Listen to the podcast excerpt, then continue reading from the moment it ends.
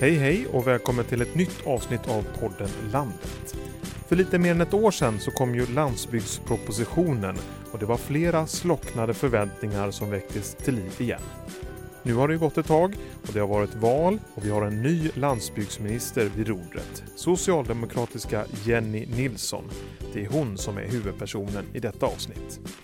Hon kommer berätta vad de åstadkommit utifrån propositionen där många av åtgärderna baseras på landsbygdskommitténs förslag. Bland annat hur utvecklingen ser ut med den så kallade LIDER-metoden. Det är ett ämne som vi har berört flera gånger här i podden. Och för ett tag sedan så efterlyste vi frågor från er som lyssnar och flera av frågorna har jag nu med mig in på ministerns rum. Vi kommer bland annat att prata bredbandsutbyggnad, vägar som är som tvättbrädor och den urbana normen. Nu kör vi! Jenny Nilsson, socialdemokratisk landsbygdsminister. Välkommen till podden Landet. Tack så jättemycket. Jag tänkte att du skulle få börja med att berätta lite om dig själv. Jag är eh, född och uppvuxen i Hylte kommun som är en kommun som ligger i Halland men på eh, gränsen till Småland. Stora delar av kommunen är Hallands län och Smålands landskap. Så att eh, jag är landsbygdsbo i botten men bor sedan ett och ett halvt år tillbaka ungefär eh, i Halmstad men då på, den, på landsbygden i Halmstad eh, med ängarna i bakgrunden och havet på andra sidan. Och jag har läst mig till att du är uppvuxen i någonting som heter Brännö gård i, i Hylte. Berätta, vad är, vad är det för ort? Det är ett väldigt litet samhälle som till mångt och mycket är uppbyggt kring att man har, har en wellpappfabrik där. Eh, där de flesta jobbar. Eh, men också mycket skog och lite jordbruk runt omkring. Och hur såg det ut liksom i den familjen du växte upp? Var det något jordbruk eller hur, hur, hur hade, vilken anknytning till landsbygden var det då? Alltså, jag tycker att det är ganska mycket att man är uppväxt på landsbygd för det är det som i någon mening är det som definierar dig kan jag tycka. Men jag är inte lantbrukardotter utan jag är fabriksarbetardotter. Och, och, den som inte har koll på din eh, politiska karriär eh, i eh, Halland, och vad, vad, vad gjorde du politiskt där? Jag har hållit på med politik väldigt länge. Först som fritidspolitiker. Jag har suttit i kommunfullmäktige, barn och ungdomsnämnd, kommunstyrelse i Hylte kommun och var de sista sex åren, eller lite mindre än sex åren, kommunstyrelsens ordförande.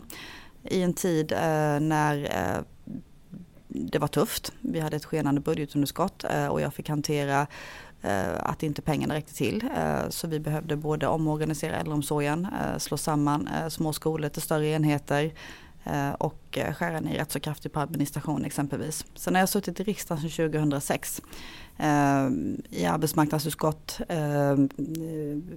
finansutskottet, skatteutskottet och näringsutskottet de sista sex åren som ordförande eller vice ordförande i näringsutskottet. Så att jag bär ju också då utifrån det perspektivet väldigt mycket med mig att jobb och tillväxt är det absolut viktigaste för att du ska kunna bo och leva i hela Sverige. Och där känner jag att jag har väldigt mycket att bidra med. Då har vi lite bättre koll på dig. Eh, du har ju varit ute och rest i Sverige en del sedan du tillträdde. Vad är det för förväntningar som du möter? De flesta människor som jag möter eh, är väldigt eh, stolta över att vara landsbygdsbor. De vill bo på landet men de förväntar sig också att samhället ska fungera, att vardagen ska funka. Och man ser stora utmaningar och man har också krav på politiken att vi ska leverera på sånt man tycker inte fungerar. I den här podden så är vi lite extra nyfikna på hur det går med förslagen i landsbygdspropositionen som din företrädare tog fram.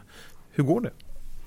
Nej men det går bra skulle jag vilja säga eh, och jag tycker att Just landsbygdskommitténs arbete eh, som man gjorde förra mandatperioden var ändå ett väldigt viktigt trendbrott eh, i svensk politik. Det här är ett politikområde som jag upplever eh, har varit försummat under lång tid i Sverige. Man har inte tagit tillräcklig hänsyn till att det, det krävs olika saker i olika delar av landet för att det ska fungera. Eh, så när man tillsatte eh, landsbygdskommittén eh, och sen tog det inriktningsbeslut som man tog i Sveriges riksdag så var det liksom ett viktigt trendbrott som vi nu behöver bygga vidare på. Ungefär två tredjedelar av de förslagen som fanns, jag tror det var 75 förslag som fanns i, den här, i det här arbetet, är omhändertagna eh, på något vis. Eh, antingen att man utreder vidare eh, kring hur man ska kunna implementera det eller att man eh, utreder eh, hur det ska kunna fungera och så här eller att det faktiskt är infört. Eh, och den andra tredjedelen är ju sådant som vi nu sitter och gör liksom bedömningar kring liksom hur vi ska prioritera dem och i vilken ordning och så vidare. Två tredjedelar sa du, kan du berätta om vad som redan är på plats? Nej, men det kommer ett antal saker, eh, till exempel i eh, budgeten för 2018. Dels kommer det eh, förstärkningar till infrastruktursatsningar. Både i att man ska ha bättre vägar, man ska täppa igen potthål som vi säger på landsbygden. Man ska satsa på infrastruktur och infrastrukturutbyggnad, det kommer det pengar till. Vi gör, gjorde riktade insatser till det som vi kallar för stödområde A, alltså de allra Eh, tuffast drabbade kommunerna eh, utav eh, att man är glesa och man har speciell problematik kopplat till det. Och också då särskilda satsningar till det som kallas för socioekonomiskt svaga kommuner där man har särskilda utmaningar. Kommer man kunna förverkliga alla åtgärder i propositionen? alla åtgärderna som var i landsbygdskommitténs förslag det är lite tidigt att säga. Jag tror att man kommer kunna förverkliga eh, den absoluta merparten. Men det skulle vara nästan förvånad om jag ska vara helt ärlig om du klarar, eh, om, man, om man faktiskt bör och ska göra alla 75. Har man inte eh, haft ett enda tankefel när man levererar 75, procent, 75 förslag i en kommitté så vore det unikt. Men allting som är relevant och som betyder någonting, det ska vi ta om hand. Och strax är det dags för vårändringsbudgeten. Finns det åtgärder med där? Eh, ja, det kommer att finnas åtgärder på det området, men det är också en väldigt specifik procedur kring hur vi eh, släpper den typen av åtgärder. Så du får återkomma om två veckor om du vill ha någonting på vad som är på vårt område där. Du Jenny, jag tänker på januariavtalet och de alla punkter som ni i S kom överens om med C, L och MP. Och nu finns ju landsbygdspropositionen och två tredjedelar är i rullning som du berättade nyss. Detta avtal som ni satt ihop, hjälper det er att få igenom det ni föreslår i landsbygdspropositionen? Ja, alltså jag eh, tycker att utifrån min portfölj eh, så är eh, en bred överenskommelse eh, över det som är, var de traditionella blockgränserna eh, en stor fördel. Det gäller egentligen på alla mina områden. Eh, för det innebär att de förslagen som kommer, och, som kommer ut nu har en bred förankring eh, och därmed har en förutsättning att leva över tid. Vilket ofta är minst lika viktigt om det är så att du vill göra strukturförändringar som på riktigt påverkar någonting. Eh, så att, och dessutom så får vi då en möjlighet att att ha fyra partiers bästa idéer att plocka ifrån istället för bara ett eller två eller något annat. Ett förslag i propositionen det berör Landsbygdsnätverket, de som står bakom den här podden som du lyssnar på nu. Vad händer där? Alltså det här är ett nätverk som eh, finns redan idag eh, och som är en viktig aktör och spelare på de här frågorna. Eh, som har byggt upp både ett gott renommé, eh, som har nätverk som är viktiga också för oss politiskt. Så att min bild är väl att eh, vi ska försöka bygga på allting som fungerar eh, och ett nätverk som är upparbetat. Eh, det är ett värdefullt verktyg för mig. Det står att eh, ni vill stärka samverkan med civilsamhället. Vad innebär det? Ja, dels kanske jag ska börja med att säga att det är ju så att alla de här 73 punkterna ska ju eh, sen förhandlas liksom ut exakt vad det konkret ska mynna ner i. Så att vi drar ju nu igång eh, dialogmöten eh, med partierna kring, eh, eller förhandlingar egentligen mellan partierna kring eh, hur vi ska politiskt hantera de här 73 punkterna. Men med det sagt att vi inte vi har landat ner det arbetet ännu. Eh, så för mig så betyder ju det eh, att eh, man ska ha en dialog med civilsamhället. En annan gren i eh, propositionen eh, berör den så kallade LIDER-metoden eh, och det står att den bör tillämpas rikstäckande. Vad händer där med den här LIDER-metoden? Ja, så det är också en upparbetad metod som finns sedan tidigare. Och återigen så tycker jag att man eh, ska bygga på de metoder som finns eh, när de fungerar. Och eh, den bild jag har av Blide det är att det är en väl upparbetad fungerande metod. Sen går vi in i ett arbete nu när vi förhandlar e EU strukturfonder och de nya programperioderna från 2021. Och det är klart att alla metoder eh, som vi har i Sverige eh, och alla samverkansformer som vi har i Sverige eh, måste i någon mening hänga ihop med hur liksom strukturfondsprogrammet ser ut och liksom hur mm, implementering ser ut. Men återigen, avsikten är ju inte att man ska börja om från början. Det skulle innebära att man tappade väldigt mycket tid. Så sånt som vi har, som vi tycker fungerar, ska vi försöka värna i det fortsatta arbetet. Mm. Och de finansieras ju genom de här äh, fyra ESI-fonderna men ähm, flera liderområden i äh, Sverige har inte tillräckligt med äh, eller har ingen finansiering. Är du beredd att skjuta till mer pengar utöver finansieringen från fonderna? Det är väl en fråga som är lite för tidigt väckt kan jag tycka. För att vi vet ju inte i nuläget vad fonderna kommer att innehålla för pengar. I det här avsnittet av podden Landet så träffar vi Sveriges landsbygdsminister Janne Nilsson och för en tid sedan så efterlyste vi frågor från er som lyssnar. Och vi har fått in jättemånga eh, frågor till dig Jenny, kul tycker vi. Johanna Magnusson från Oviken, hon tar ett ganska stort grepp och undrar hur arbetar regeringen med för att värna om den svenska landsbygden? Man gör väldigt många olika saker. Eh, det finns väl framförallt två stora politikområden eh, som har varit tydliga eh, från förra mandatperioden. Dels är det landsbygdskommitténs arbete som jag, vi har nämnt flera gånger. Men sen tror jag också att livsmedelsstrategin är en viktig del i det här där ju eh, man tillsammans med näringen tog fram ett antal olika förslag på hur man ska stärka eh, det svenska lantbruket eh, och då alla delar i hela kedjan. Mm. Och där är vi ju nu inne i ett läge där vi ska ta fram handlingsplanen, handlingsplan 2 och då är ju min ambition att den ska bli eh, så vass och tydlig som möjligt. Eh, och då tror jag att, att jobba med mer utav att ökat förädlingsvärde på produkterna, att vi skaffar unika premiumprodukter eh, som kan säljas på en marknad som är större än den svenska marknaden. Eh, och till det tydligt kopplar en exportstrategi. Eh, och poängen med det är egentligen inte ens att vi ska exportera varor utan att vi behöver bli bättre på att vara självförsörjande när det gäller livsmedel i Sverige. Och ska vi lyckas med det till eh, kostnader som är rimliga för de svenska konsumenterna att bära, ja då behöver vi också se till att man eh, producerar för marknader som är större än Sverige i lägen när det inte är kris eller krig. Clary Sjöström från Slänsmåla eh, formulerar följande. Hur ska landsbygdsministern jobba för bättre mobiltäckning och bredbandfiber på landsbygden specifikt? Alltså det här är en fråga som eh, har varit aktuell eh, under lång tid eh, och där regeringen eh, förra mandatperioden sköt till ganska mycket pengar. Det var en av de stora satsningarna som kom exempelvis från landsbygdskommitténs arbete.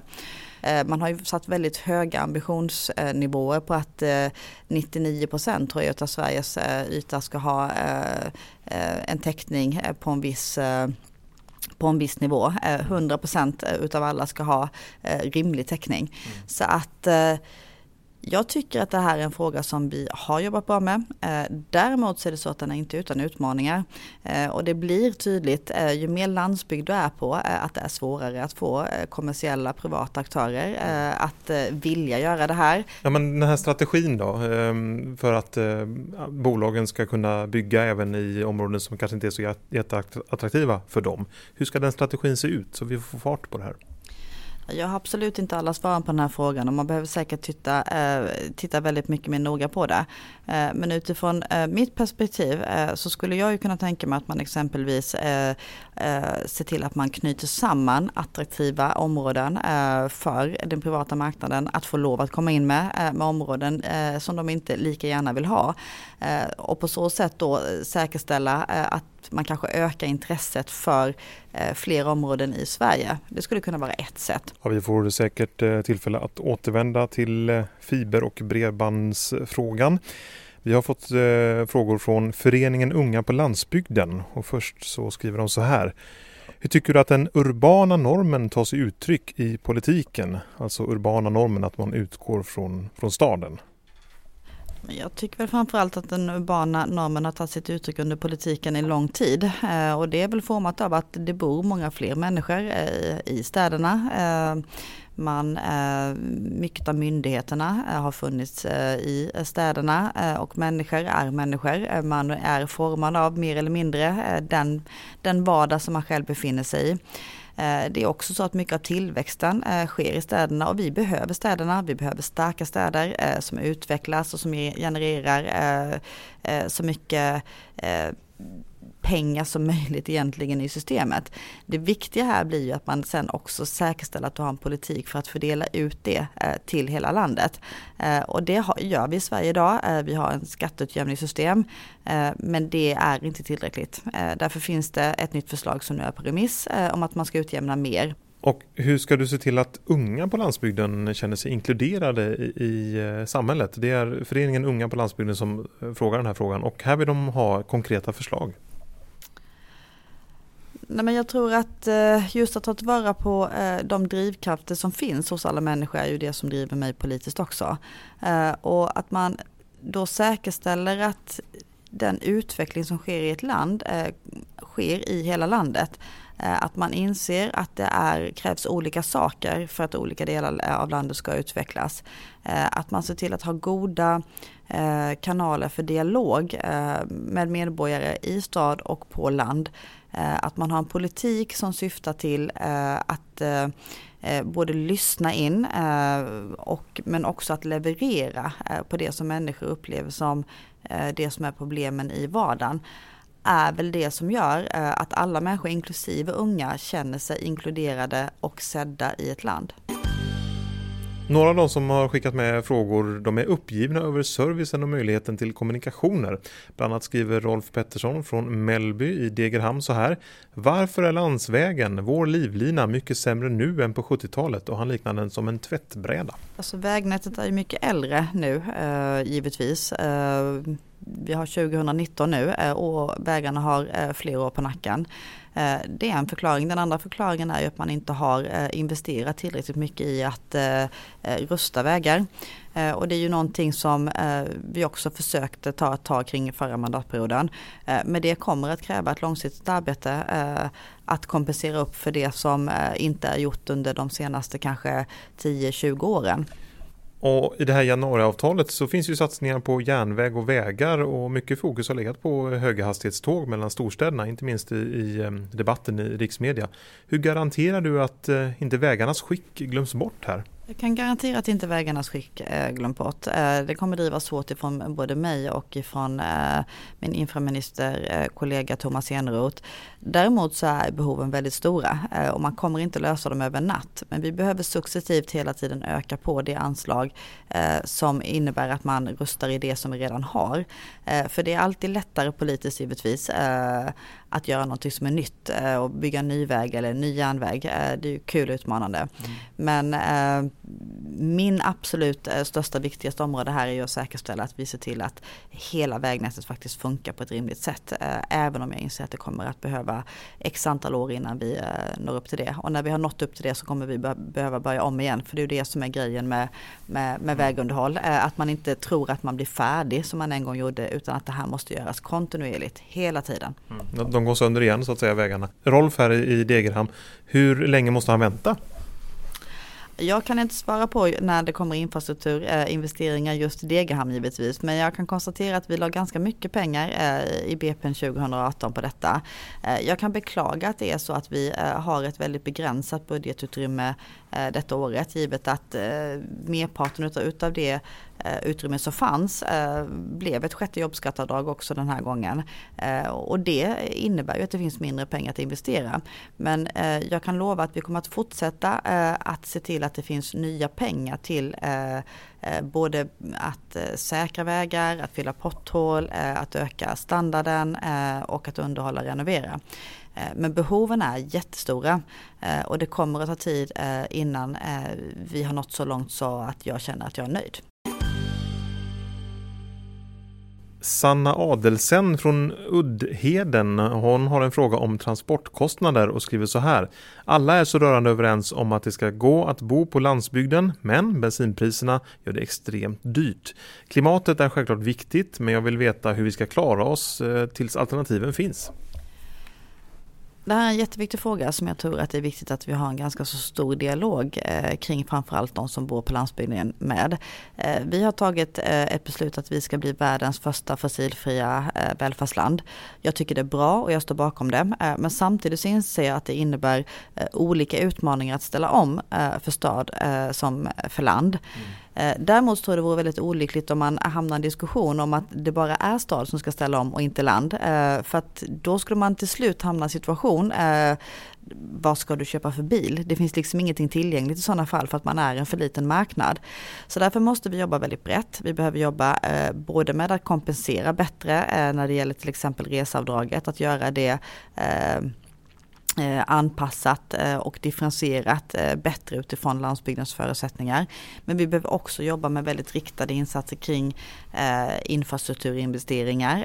Du måste kunna tanka och du måste kunna fungera i vardagen. Och utifrån mitt perspektiv i alla fall så måste man också vara flexibel i tid. Du kan inte ställa om snabbare än vad tekniken, investeringarna och möjligheterna medger. Paulina Lingers från Österfärnebo, hon har en fråga om landsbygdsskolorna. Nu byter vi lite fokus här som du märker. Eh, varför underlättar man inte och rekommenderar samarbete över kommungränser för att få ihop elevantal till skolor i ytterområdena? Varför ändrar man inte bestämmelserna så att det blir lättare med distansundervisning? Landsbygden är helt beroende av sin skola, skriver hon. Ja, skolan är jätteviktig, eh, både att den finns och att den håller en tillräckligt hög kvalitet. Mm. Eh, sen är ju skolan eh, ett kommunalt uppdrag. Eh, det finns mig vetligt ingenting som hindrar att man samarbetar över kommungränser eh, kring det. Eh, möjligen så är det så att man behöver titta på om man ska eh, göra någonting som eh, eh, ger incitament för att göra det tydligare. Eh, det kan vara en väldigt god idé. Eh, när det gäller just distansundervisning eh, och att använda eh, ny teknik, digitalisering eh, och så vidare som instrument så är det frågor som är prioriterade där det kom, har kommit förslag och där min bedömning är att det kommer komma mer förslag. Malin Hagbardsson från Gnesta frågar vilka politiska åtgärder kan regeringen göra för att stärka konkurrenskraften för svenskt lantbruk? Jag tror att man eh, behöver titta på eh, svenskt lantbruk på samma sätt som man tittar på annan eh, viktig eh, näring och industri. Eh, man behöver titta på det som är eh, eh, konkurrensvillkoren, eh, vad det är som är kostnaderna men framförallt vad det är som är utvecklingspotentialen. Eh, då behöver man jobba med att förädla produkterna eh, med forskning och innovation. Eh, med eh, möjlighet att skala upp, eh, få tillräcklig volym och med en tydligt spår mot export. Britt-Marie S Torstensson från Gävle, hon har en fråga om jämställdhet. Hur tänker landsbygdsministern säkerställa att kvinnor kan delta på lika villkor och med samma förutsättningar som män i landsbygdsutveckling? Men jag tror så här jag tror det här är en jätteviktig fråga eh, på riktigt. Eh, det ser man, tycker jag, inte minst utifrån eh, vilka som väljer att flytta från landsbygden. Vilka som möjligen väljer att flytta tillbaka. Och då är det min bild att det är kvinnorna som lämnar landsbygd i större utsträckning och det är också de som är mer restriktiva till att flytta tillbaka. Och jag tror, utan att ha något som helst vetenskapligt belägg för det, eh, att det beror på att kvinnor eh, värderar och prioriterar lite annorlunda. Eh, jag tror att de frågorna som vi har pratat om mycket här, behovet utav att samhället fungerar när det gäller skola, vård, omsorg är betydligt viktigare. Och är det inte så att man känner att det gör det så upplever man att ens egen vardag faktiskt inte kan fungera och då gör man ett annat val. Nu har vi pratat om många olika förslag och möjligheter för utveckling av landsbygderna i Sverige. Eh, men om vi ser till dig då, vilket område är viktigast eh, för dig personligen? Jag har sagt redan från början att det finns alltså, förutsättningarna att kunna bo, leva och driva företag i hela Sverige. Det är min mest prioriterade fråga.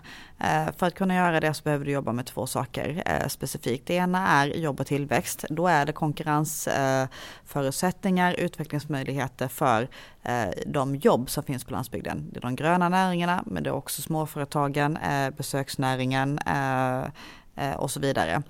Den andra delen är att människor ska vilja bo på landsbygden, vilja ta de jobben som faktiskt finns där. Eh, och då behöver vi eh, jobba med att säkerställa att vi har en bra fungerande välfärd i hela Sverige. Så det är mina prioriteringar. Jenny Nilsson, tack så hemskt mycket för att du medverkade i eh, podden Landet. Tack så jättemycket för att jag fick vara med.